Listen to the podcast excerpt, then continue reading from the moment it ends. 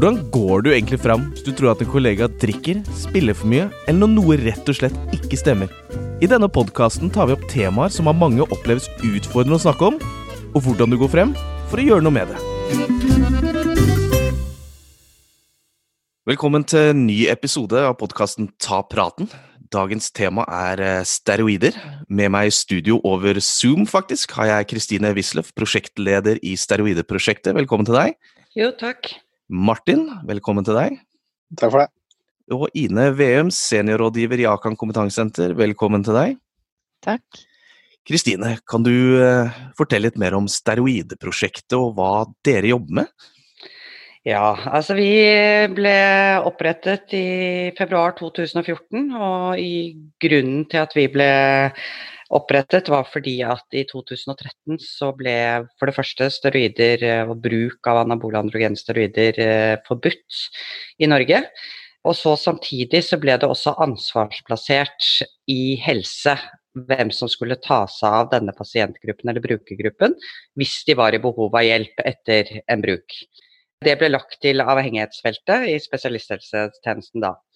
Og da ble det også bestemt at vi måtte bygge opp kompetansen ut til klinikerne som jobbet i spesialisthelsetjenesten for å gi et bra hjelpetilbud og et helsetilbud til denne brukergruppen. Fordi den kompetansen var ganske liten og lav, fordi man eh, sånn generelt sett i verden ikke har hatt fokus på brukere i, generelle, i, de generelle samfunnslag. Da. Ellers så har man jo hatt i mange år hatt stor fokus på doping og bruk av steroider i toppidretten, men man har jo ikke hatt fokus på det som en, et helseproblem, en skade du kan pådra deg, bruk i, i det generelle samfunnslag. Så det var en av hovedgrunnene til at steroidprosjektet ble opprettet i sin tid. Så har jo dette prosjektet funnet ut at det var ikke bare å kunne lære opp og samle kunnskap og bringe det ut i den kliniske verden eller hjelpeapparatet i avhengighetsfeltet. Det omfattet jo så mye, mye mer. Det var jo både det å eh, bygge opp kompetansen i førstelinjetjenesten og i andre hjelpeorganer, sånn at dette er noe som folk har en viss kunnskap om, og eventuelt etterspør hvis de får en foran seg som man tenker at kanskje bruker det. Samtidig er det jo noe med å bygge opp den kompetansen og informasjonen om at det finnes hjelp å få hvis man har brukt og kjenner på at det er vanskelig å slutte alene, eller at man har pådratt seg noen helsekonsekvenser som gjør at man trenger ordentlig helsehjelp. Da. Så dermed så har jo prosjektet på en måte blitt et ganske sånn omfattende prosjekt som driver med både mye informasjonsarbeid eh, og mye, mye annet, altså bl.a. forskning. Eh, det å samle kunnskap og erfaringer fra tidligere brukere, sånn at vi på en måte får laget et godt og bra informasjonsmateriell og opplæringsmateriell til klinikerne og, og hjelpeapparatet. Martin, du har jo din egen historie om bruk av steroider. Hvordan begynte det hele for deg? Ja, eh, det er jo Hvis man gjør seg tanker rundt det, så er det jo i utgangspunktet for eh, prestasjon og, og kropp. Eh, man starter som regel godtroende til at det her er greit. For min del så starta det egentlig med at man startet å trene på treningsstudio. Man har uh, tilgang på kosttilskudd uh, som man starter med som lover gull og grønne skoger. Til slutt så blir man introdusert for kanskje noe som jeg ble introdusert for i Sverige før det ble ganske regulert, noe som heter et prohormon.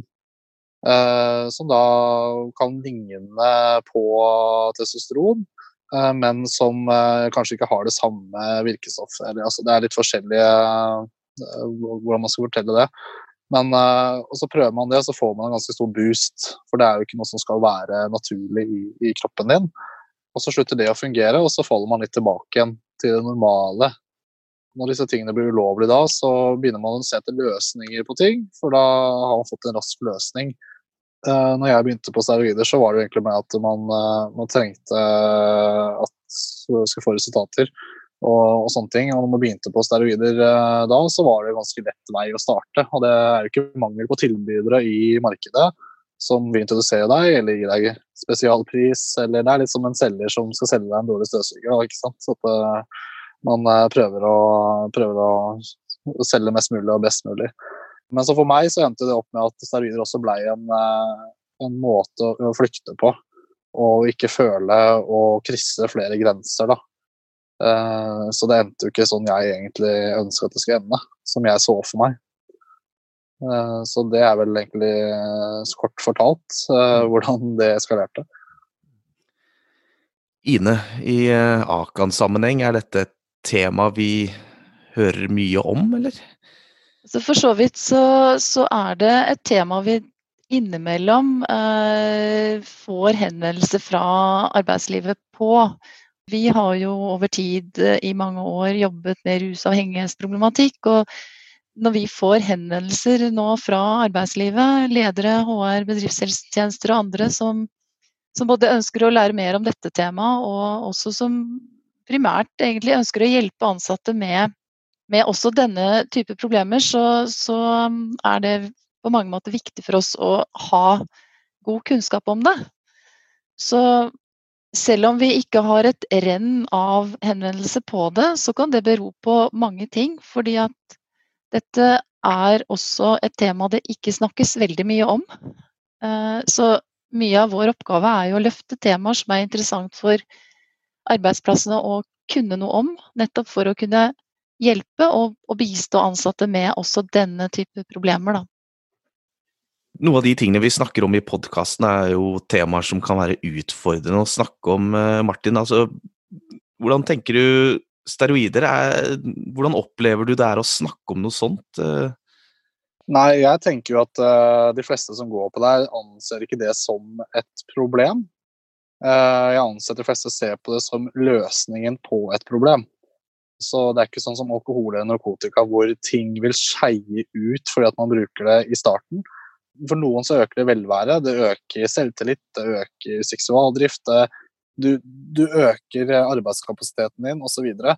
så det er liksom en sånn både gode og onde ting da, som, som vil få. Ikke sant? Kanskje arbeidsgiverne tenker sånn Oi, han er ståpåvillig, han står opp, og han er stor og sterk, og, og sånne ting. da. Så jeg tenker at uh, det å ta en prat og heller få en, uh, noe som bekymrer for deg For at uh, det er jo ganske tydelig hvem som går på steroider. I hvert fall de som tar store mengder. Og, og, det er ganske tydelig, men jeg tror ikke du vil se det problemet sjøl. Og du vil også kanskje da oppfattes som eh, misunnelse, eller at noen bare Ja, det, det, er liksom ikke et tema at det er et problem. da. Kristine? Jeg vil bare støtte meg til det Martin sier, at uh, jeg har jo vært i kontakt med veldig mange som uh, har brukt eller er i aktiv bruk, og som de sier er at det å fortelle noen at man bruker, det gjør man ikke. Det er et ikke-tema. Det å snakke om at man eventuelt røyker hasj eller drikker litt mye alkohol eller tar piller, det er mye enklere enn å snakke om bruk av steroider. Så det er viktig at kunnskapen er der ute hos både altså hjelpeapparatet og, og helseapparat, sånn at de etterspør bruk eventuelt. Ellers så får de ikke noe svar på dette. Ja, det som vi får spørsmål om ofte, er jo at uh, man har merket en del endringer som, uh, som går utover et uh, arbeidsforhold.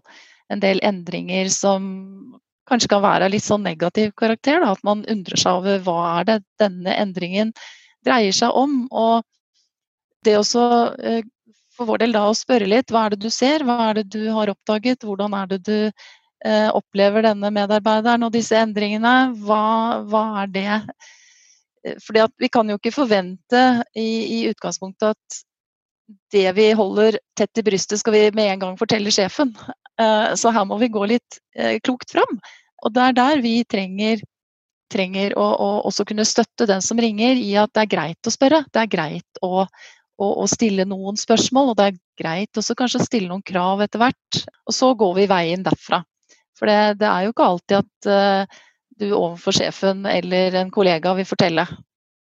Ja, nei, jeg, jeg tenker jo det at uh, som regel så, så, kan jo misoppfatningen i samfunnet er jo at de fleste veit ikke noe om det. For når jeg har snakka med folk om mine erfaringer og forteller folk om ting, så får jeg til svar jeg veit ikke så mye om steroider. Så, så, det er liksom ikke så mye jeg kan forholde meg til eller relatere til.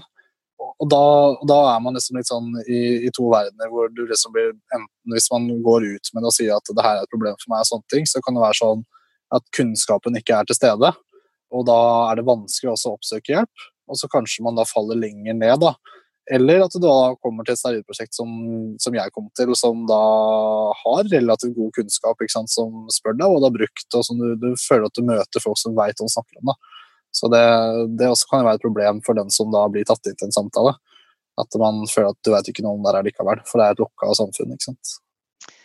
Ja, og det er jo noe som vi også legger stor vekt på hos oss. at du må forbi den barrieren hvor du, hvor du, ikke mm, tror at du kan og vet, men altså heller være litt spørrende, tenker jeg, i forhold til den det gjelder i første omgang. Og så heller da eh, etter hvert også få litt mer kunnskap. Det er vi også egentlig opptatt av også at arbeidsplassene, de som jobber med mennesker på en arbeidsplass, har kunnskap om dette. Sånn at de ikke støter folk fra seg, men heller, heller Målet er jo at den andre skal få hjelp til akkurat det den personen står i.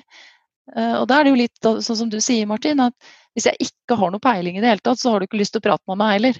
Ikke sant? Så jeg må kunne litt om det for å ikke være eksperten i det, men kunne veilede deg videre da, på en god måte i, i, eh, i en vanskelig periode. Mm. Du sier at det, det, er veldig tydelig hvem som går på det, Martin. Eh, var det noen rundt som måte formidlet en bekymring tidlig til deg, eller hvordan var det? Eh, nei, så det er jo skummelt å si det, men det er normalisert i samfunnet. Og det er fordi at folk ikke har kunnskapen rundt det. Man tenker sånn Ja, han, han bor der, han, eh, han, er ikke noe farlig. ikke? Han går bare på stedet, han trener og, og, sånne ting. Vi må la folk gjøre det de vil sjøl, skal ikke blande meg. Og det er litt sånn man møter, da.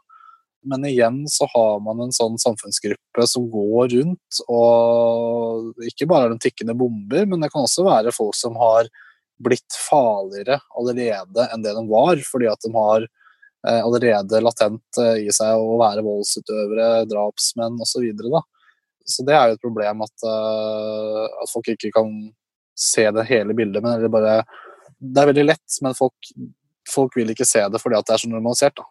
Uh, så man blir litt blind på samfunnet og, og kroppspress og sånne ting. F.eks. på Instagram, hvor du har masse sånne bra folk som sier du kan brenne fett samtidig som du bygger muskler. ikke sant? Og det, det er jo salgstriks hele veien. Man selger seg sjøl. Og, og, det er ingen som jeg kjenner som har sagt at jeg går på steroider for å når jeg har fått komplimenter for en bra kropp. Da. Uh, så det er ikke mange som, uh, som, som, ser det, men det er mange som ser det, hvis du skjønner hva jeg mener. Det blir sånn uh, gode og onde der, da. Kristine? Ja, nei, og så er det jo det der, der som er eh, typisk ved at man bruker, da, ikke sant, så er det jo at man får fin, et fint ytre, da, ikke sant. Og så er det ikke nødvendigvis at det er like fint innvendig. Um, og det er jo både med dette her med det psykiske spesielt, at man endrer seg gjerne både ganske følelsesmessig og, og, også dette med at man kan få litt tyngre dager til tider. Man kan være veldig oppstemt. Uh, andre dager uh, man har masse energi, man har lite energi. Ikke sant? Og det å leve innvendig med å ha det såpass ustabilt, da, men samtidig på utsiden se ut som i hvert fall som mange opplever selv, særdeles vellykket, så er det en ganske sånn det er tungt å leve i en sånn type kropp, da. Å leve i en sånn situasjon, ikke sant. Og, og, man får jo ofte til tider mange i startfasen mye positive tilbakemeldinger fordi man kan jo ikke bruke steroider og ikke gjøre en fysisk aktivitet og få uttelling for det. Det er jo særdeles få som gjør, ikke sant. Så, så det er jo ikke sant, og dette samfunnet vi lever i i dag som det å trene, det å, å være sporty, det er, jo, det er jo særdeles viktig for oss. Selv når vi søker jobb, så er jo det viktig, ikke sant. Så det at folk har litt kunnskap, det at folk undrer seg litt sammen med kollegaer eller venner eller bekjente hvis man opplever at det er store endringer, det tror jeg er viktig. Altså. Ja, jeg eh, tenker også litt med tanke på holdningene til eh, det å være og se vellykket ut. Altså det kan jo i en arbeidskontekst være, være viktig for både ledelsen og de ansatte. ikke sant? Altså at jo, her stiller vi sånn og sånn, vi skal se sånn og sånn, vi skal være, være på en måte eh, Lage et bilde, hver og en ansatt blir et bilde av en, en, en virksomhet utad. da, og, og, at det på en måte også kan være til hinder for at vi faktisk ser alvorligheten ved at man, man eh, tar denne litt eh, korte, men også vanskelige veien da, inn for å, å, å, bli en del av et sånt type bilde. Så det blir jo hvis dere skjønner hva jeg mener. Altså det, det, det, er noe med holdningene våre til det vellykkede som kanskje også lager en sånn barriere for å, å se alvoret i faktisk bruken av denne type midler. Da. Som jeg ofte sier når jeg er rundt og holder mye foredrag, og jeg syns det er en sånn interessant eh, ja, liten digresjon da, på hvordan samfunnet har blitt. Og min gamle far som alltid drevet på et stort advokatfirma, som han sa her for en ti år siden til meg at nå setter selv folk på CV-en sin hvilke prestasjoner de gjør i Birken. ikke sant? Og det er jo ikke det at det er negativt å drive med fysisk aktivitet eller ta vare på seg selv, men det er jo det at det kanskje nå, altså kropp og prestasjon har blitt en veldig viktig greie. Det har kanskje tatt litt overhånd. ja. Martin? Ja, nei, jeg uh, kommer litt til det der med tanke på at det er jo som man sier at man er vellykka ser vellykka ut, og at man har en bra kropp og man ser bra ut, man kan ha utdannelse osv. Men det er litt sånn i privatlivet ditt så, så gjør steroider noe med deg med tanke på at du, du bryter barrierer, ikke sant. Så for min del så var jo det å bryte barrierer for meg selv var jo det å sette sprøyter på meg selv. Og det å starte med det, da har du brutt en barriere, og så er det ikke langt igjen til neste barriere. Så f.eks. da kan være utroskap, ikke sant. Eh, som igjen da kan føre til prestasjonsfremmende midler som slankemidler osv. Eh, og så har du liksom de følgetingene der igjen, hvor du kanskje har problemer hjemme, da, ikke sant. At det er følgefeil, da, som jeg kaller det. Som, som også leder til at du kanskje ikke gir til på jobben, og eh, dama di går fra deg, og osv. osv. Så det er liksom ikke kun steroidene som, som blir, det er liksom følgende av steroidbruken, av det å, å, slå av både empati, følelser, ikke sant, krysse grenser. Og, og, det er det som er så skummelt. da, At du, du begynner å krysse grenser du ikke hadde trodd du kunne gjøre før. Og det også kan gå utover da arbeidsforholdet ditt, ikke sant. Eh, og også styre veldig opp og ned på hvordan den steroidbruken vil påvirke alt annet. da det er jo en grunn til at eh, det i, i, Norge er ulovlig å bruke steroider. Det ligger jo en god del kompetanse i, i feltet som tilsier at eh, det er ikke greit. sånn. Så det er jo noen rammer, noen ytre rammer da, eh, i det. Men, mm. men, det er derfra til faktisk å ha den at hver av en av oss har kunnskap om et tema vi kanskje ikke normalt sett snakker så mye om. da, Ha den kunnskapen for hvorfor er det så strengt på dette ute i, i, i samfunnet vårt. da. Ja, jeg syns det er kjempeinteressant, fordi det er så mange ting innenfor dette temaet som, som, som, uh, som, stiller sånne umiddelbare problemstillinger. Det, det, når vi snakker med arbeidslivet eller vi får henvendelse på telefonen, så er det jo ofte undrenes undringen til endringen hos hver og en, men man må jo også spørre seg selv hva er det vi vil da, som, som, som uh, det, i, i, vår virksomhet? Vil vi at eh, folk skal strekke seg lenger enn de egentlig kan, eller, eh, eller, eh, eller hvordan? Så det, det, det, er litt sånn kulturmessig. Hvordan, hvordan, vil vi ha det som i vår kultur på vår arbeidsplass? Sånn at du ikke liksom lar folk få strekke seg lenger enn det de egentlig klarer, da. Mm. Det er én ting. Jeg tenker Det er et høyt press i, i, det å ha jobb på mange arbeidsplasser. Og, og, og det å få folk til å, å, skjønne at når du bruker steroider, så går du utenfor det kropp og sjel egentlig eh, egne grenser. da. Du, du, du, tvinger deg, eller du tvinger kroppen din til å, å prestere mer enn du normalt sett skal. Kristine? Jeg tenkte bare jeg skulle legge til at uh, det er jo klart at uh, det som også er uh, et dilemma når man er i sånn arbeidssituasjon og sånn, er jo ofte at de som oppdager det, eller hvis du er kollega eller et eller annet, så har man jo ofte ikke så mye kunnskap da, sant, om dette, men man har kanskje for en følelse. Og Da er det jo viktig, som vi har vært inne på tidligere, at det å ta det opp, ta en god prat, etterspørre, undre seg sammen. Men det kan jo også være vanskelig når man ikke vet hva man skal gjøre med det. og Det er jo derfor jeg syns det er så fint nå at Akan har bygget opp sin kompetanse på feltet, samtidig at man skal vite hele tiden at vi i Steroideprosjektet, så lenge vi får lov til å å holde på, så, så er jo vi veiledere, altså har jo egen telefon og mailadresse der folk kan ringe oss eh, frem til klokken åtte hver kveld, stort sett. Og, og, og, vi kan veilede og støtte eh, for å hjelpe både de som lurer på om de har en kollega eller venn som driver med det, eller en sønn. Eller at brukeren selv kan ta direkte kontakt med oss for å, for å få støtte og veiledning på hvordan gå frem, hva gjør jeg, hva kan jeg forvente meg av eh, nedturer når jeg avslutter. Kan jeg gå til hjelpeapparatet uten å bli meldt til politiet? Alle disse tingene som ofte kommer opp da i hodet ditt ikke sant? når du sitter i en sånn type situasjon. Så det, det er viktig å vite, altså. Mm. Jeg tenker jo den jobben dere gjør, Kristine, er utrolig viktig òg. Og det er veldig viktig for oss som da jobber ut mot arbeidsliv, arbeidslivsarenaen, å ha å vite om dere, og vite at dere er der, og at dere har den lave terskelen for å ta kontakt. Da. For dere er jo en del av spesialisthelsetjenesten som ofte det, det, kan være vanskelig å komme inn i. Du må gjennom fastlegen din. ikke sant? Det er mange, mange, ting du ofte må gjøre før du kommer så langt som til spesialisthelsetjenesten. Men dere har jo en ekstremt lav terskel for å ta kontakt. Har jeg oppfattet, i hvert fall.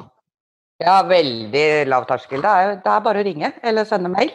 Jeg skulle ønske at vi også kunne fått en eller annen uh, enklere måte nå, som er litt sånn moderne. sånn chattetjeneste. Jeg kan jo ikke chatte, for da blir jeg jo ikke gjøre noe annet. Men, eh, men, vi ønsker jo det. Og vi har jo nå bygget opp en nettside blant annet, som det ligger også veldig mye informasjon på, som heter steroidelab.no. Som, eh, som, er en veldig, veldig veldig fin side. Altså med, med lett og tilgjengelig informasjon til eh, folk generelt i samfunnet. Mm.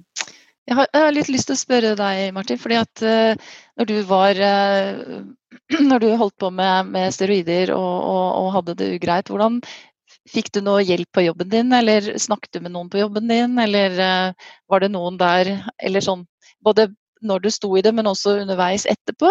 Sånn, kan du si litt om det? Veien der?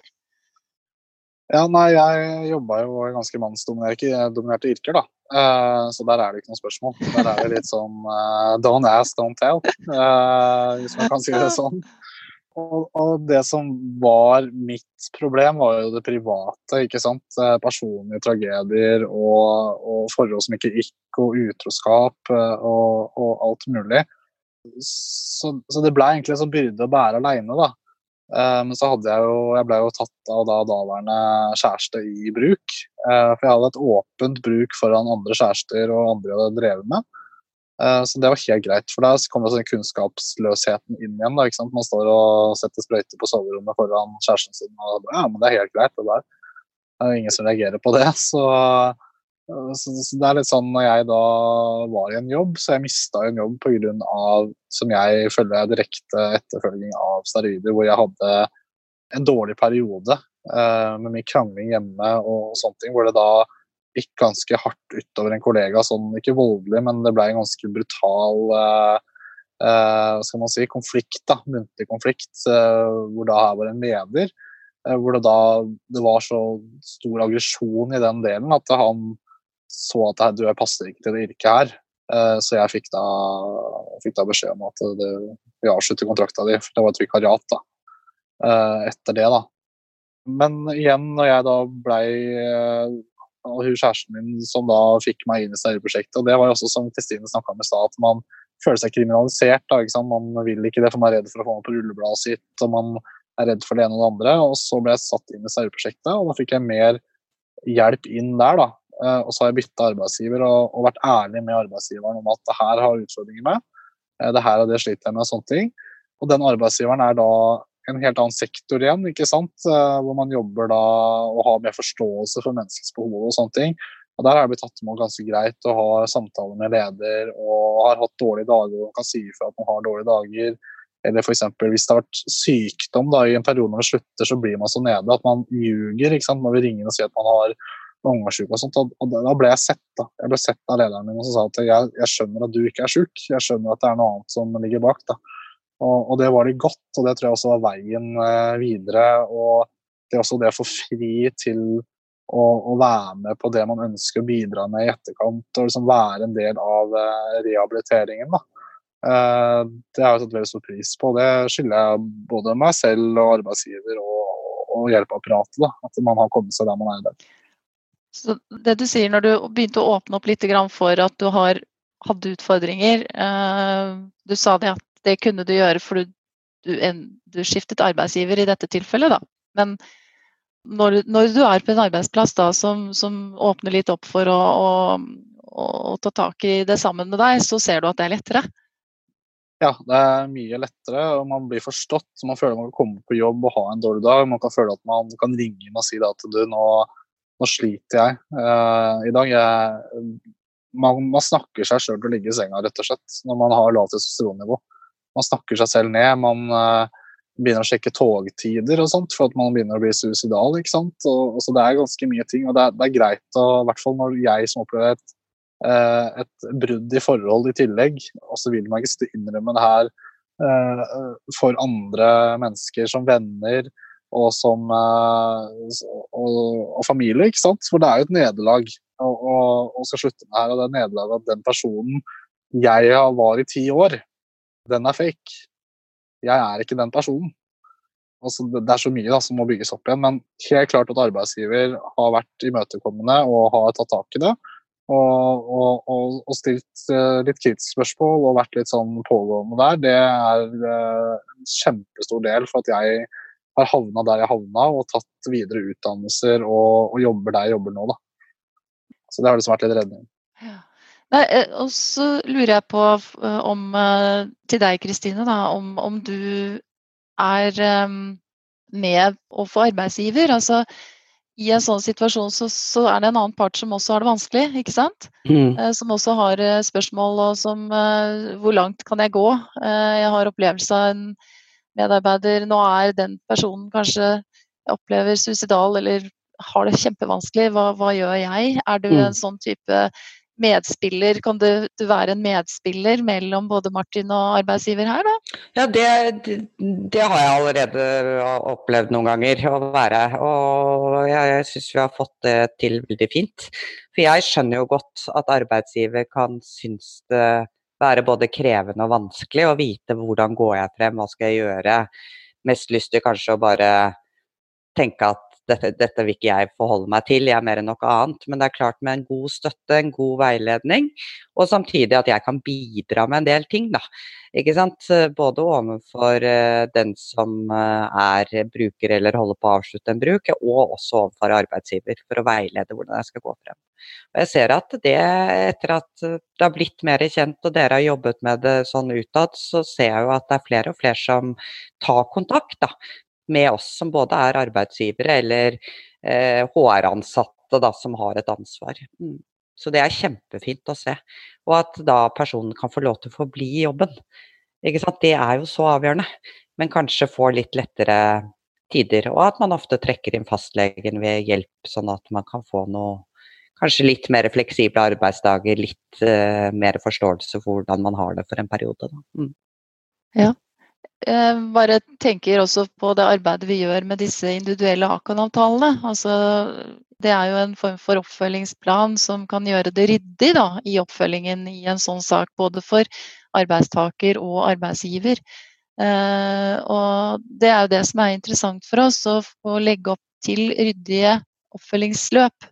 Og det ligger jo i denne Akan-modellen og måten vi tenker og jobber på. Eh, at vi bidrar med type verktøy for arbeidsgiver og arbeidstaker i sånn i ulike problemstillinger. Og akkurat her nå så, så gjelder jo da det, dette steroider. Det kan jo gjelde veldig mye andre eh, ting også.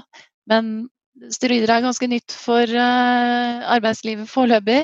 Så uh, vi må bare jobbe sammen, tenker jeg. Og din stemme, Martin, og andre som, som også står i vanskelige situasjoner her, er veldig, veldig viktige for å, å, skaffe seg den nødvendige kunnskapen for hvordan gjør vi det, og hvordan gjør vi det sammen.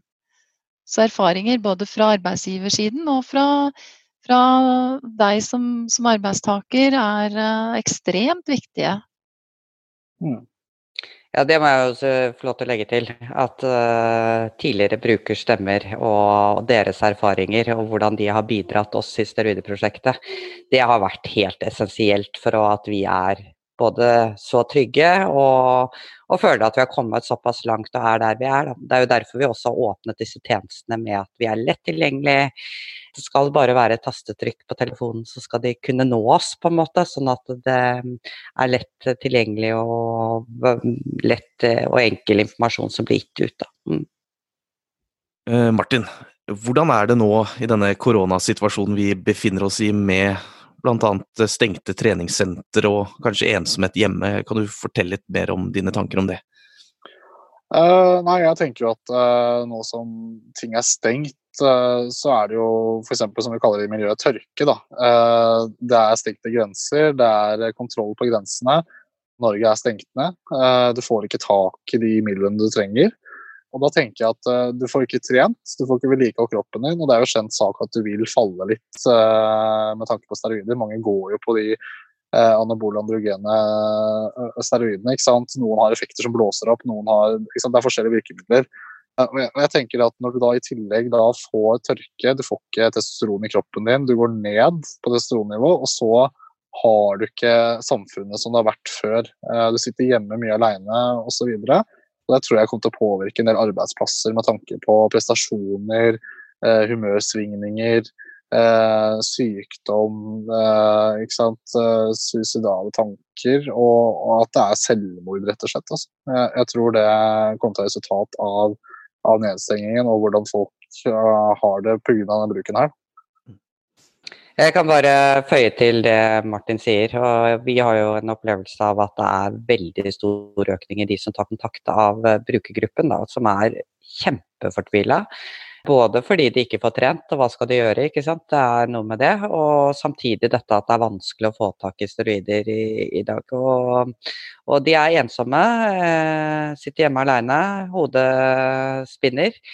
Så vi har hatt en ekstremt stor økning i de som tar kontakt da, og er i behov av hjelp og en støttesamtale. Vi òg merker jo pågang når det gjelder uh, veiledningstelefonen vår. Uh, og det er klart at uh, det å stå i en situasjon hvor du ikke har den normale sosiale kontrollen, det, det gjør at det skaper usikkerhet, tenker jeg. Og jeg tenker at det er veldig viktig i disse tider at uh, ledere og kollegaer fortsatt på en eller annen måte ser hverandre og, og, klarer å opprettholde dialogen med hverandre. Selv om vi kanskje mange steder sitter på hjemmekontor eller, eller, eller ja, ikke, ikke ser hverandre. Da. Fordi at ting skjer jo, og som Martin sier, eh, det er nye utfordringer som gjør at eh, man sliter. Og, ja, så det er viktig å, viktig å, å fortsatt klare å se hverandre der man har mulighet, eh, med de mulighetene man har.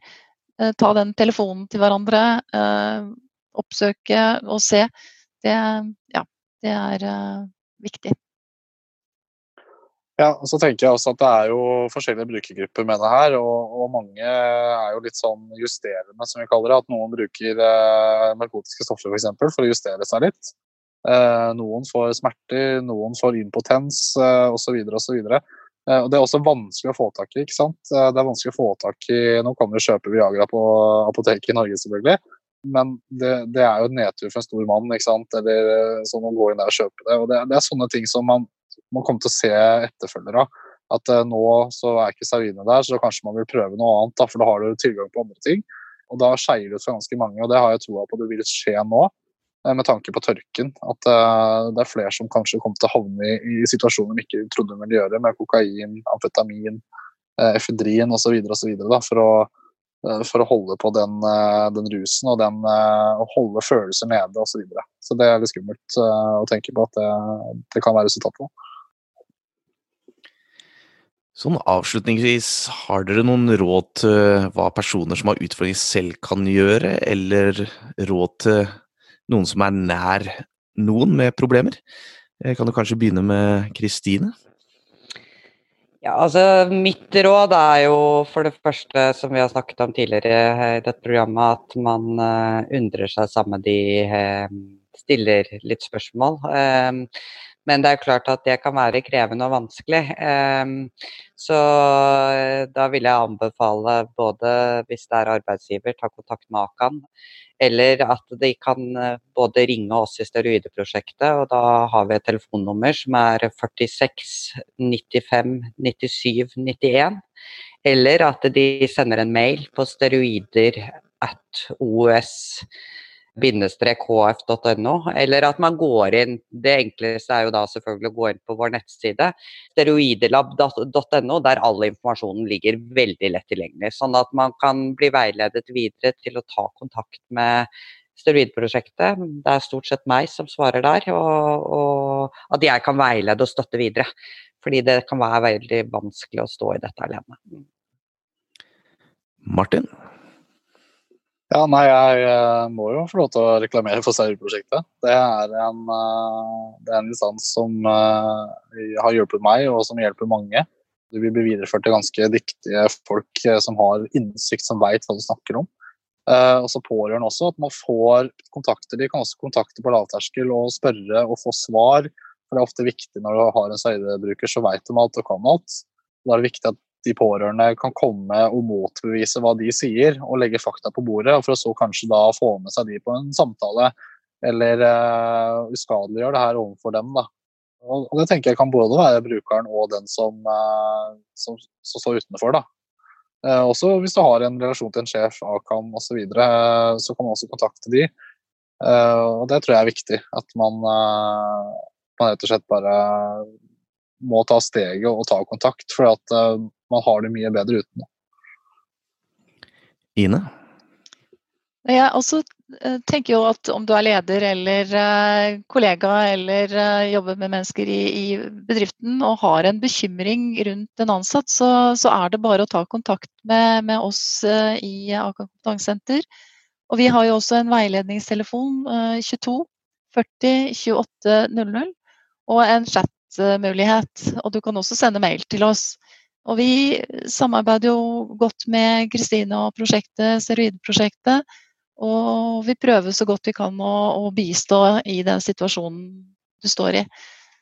En annen ting også, et eh, godt råd er å skaffe seg litt mer kompetanse på temaet. Vi stiller jo med både kurs og opplæring i, innenfor også dette temaet. Og i hvordan du bruker Akan-modellen i, i, arbeidet med både å forebygge og, og, og følge opp ansatte med ulike utfordringer. Så kikke på nettsiden vår eh, innimellom, og følge med på hva vi har av kursmuligheter, opplæringsmuligheter. Både åpne kurs og bedriftsintern opplæring eh, jobber vi med. Så vi er veldig på ballen. Vi er eh, for tiden mye online med videokurs og, og planlegger for høsten også et samarbeid opp imot uh, Steroidprosjektet og, og Antidoping Norge med ulike seminarer. Så vi følger med. Da var vi ved veis ende. Tusen takk til dere i studio, og tusen takk for at du lyttet til denne podkasten. Takk for at du lytta til podkasten. Husk å abonnere, så får du neste episode direkte inn på mobilen din. Ønsker du mer informasjon om hva du kan gjøre, så finner du det på akan.no. Er du bekymra? Ta praten.